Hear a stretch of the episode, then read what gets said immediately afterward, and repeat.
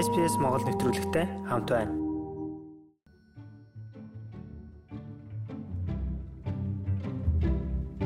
Сайн байцгаана уу ихэм сонсогчдоо.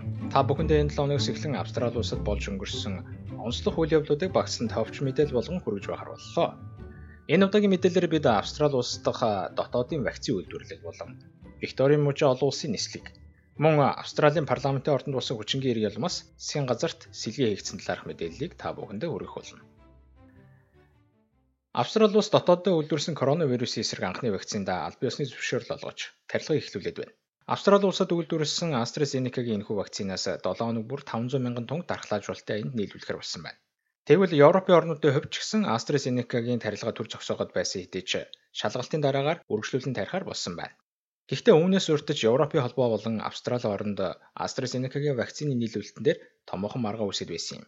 Тэгвэл энэ талаар Австралийн эрүүл мэндийн сайд Грег Хант дараах тайлбарыг өгч байна. We are in a strong position because of this. Австрали үйлдвэрлэлээ эхлүүлснээр бид э, байр сууриа сайжруулж чадлаа. Өнгөрсөн 7 хоногт бид 116 э, мянган тарилга хийж чадсан.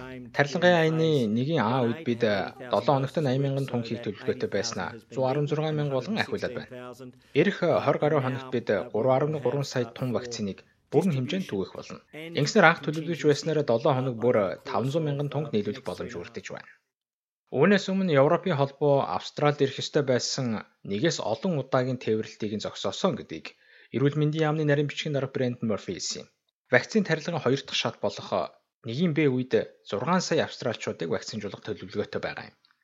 Ингэснээр 70-аас дээш насны бүх хүмүүс, 55-аас дээш насны Австралийн уугуул бүх иргэд болон хууч өвчтөй хүмүүс эсвэл хөгжлийн бэрхшээлтэй иргэдэд тарилгад хамрагдах юм. Үүнээс гадна өндөр эрсдэлтэй орчинд ажилладаг хүмүүс энэ шатанд багтахаар байна. Вакцины тээвэрлэлийн талаар Брэндон Морфи дараах тайлбарыг өгч байна. We've been working with Europe AstraZeneca-гийн тээвэрлэлийг нэмэгдүүлэхийн тулд бид Европын холбоотой өдөр тутам тулж ажиллалаа. Маш хүчин чармаалт гаргасан. Вакцины авахар болсон талаарх мэдээлэлээ тээвэрлэлт хийгдгээс 24 цагийн өмнө бид хүлээн авч байсан. Ийм тодорхойгүй байдал удаа үргэлжилсэн. Өөрийн гэсэн найдвартай үйлдвэрлэлийг бий болгохгүй бол эрсдэлгүй байдлаар төлөвлөлт хийх боломжгүй байна гэдгийг засгийн газрын байр сууриа удаа дараа бид нар илэрхийлсэн. Энэ бол вакцины тарилга ихснээс хойш хамгийн зөв алхам байлаа. Одоо бол бид харьцангуй найдвартай байр суурин дээр ирсэн байна. Тэгвэл Викторийн мууж олон улсын нислэгүүдээс сэргээж байна. 4-р сарын 8-наас эхлэн Мельбурнд олон улсын нислэгүүд хүлээн авах талаар Викторийн мужийн захиргаанаас мэдэгдээд байна. Мельбурн хотын хувьд зочид буудлын нэгэн ажилтан Их Британь тархсан коронавирусын төрлөөр халдварсантай холбогдуулж 5 хоногийн хөл хайраа тогтоосон. Үүнээс хойш олон улсын нислэг огт аваагүй байсан юм. Ийхүү халдвар гарсан тогтоогсонтой холбоотойгоор мужийн захиргаанаас карантин хийж буй зочид буудлын агааржуулах систем шалгалт хийхээр болсон байдаг.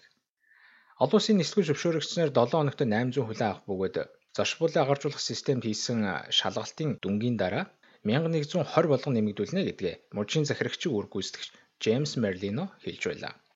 I have written to the Prime Minister Буцаж ирэх хэдэн хүн хүлээж авах чадлын талаар болон үндэсний хэмжээнд агааржуулах системд анхаарч эхлэх талаар ерөнхий сайд захидлаар мэдэгдээд байгаа. Учир нь агааржуулах системд шалгалт хийсэн цорын гац мууж нь Виктори болохоор бусдад туршлага хуваалцах хэрэгтэй гэж үзэж байна. Одоогоор 36 мянга гаруй австралчууд хилийн чантад гацаад байгаа юм.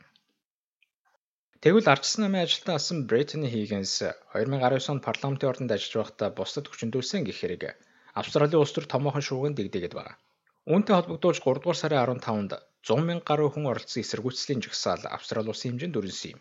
Тэгвэл Батлан хамгаалахын сайдын ажлын байран дээр болсон гэх энэ үйл явдалтай холбогдуулж ерөнхий сайд Скотт Моррисон кабинеттай сэлгээ их дүрээд байна. Тэрээр ерөнхий прокурор Кристиан Портер болон Батлан хамгаалахын сайд Линда Рейнольдс нарыг албан тушаалаас нь чөлөөлж байгаагаа өнөөдөр албажуул мэдгдсэн юм.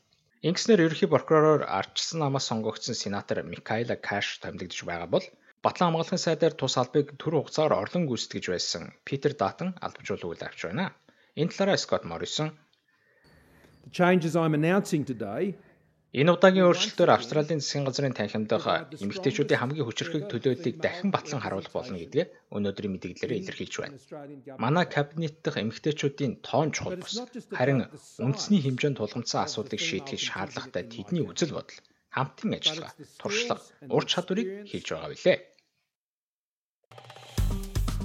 Лайк, шеэр, комент үлдээгээрэй. SBS Монгол Facebook хуудсыг дагахаа мартаоцай.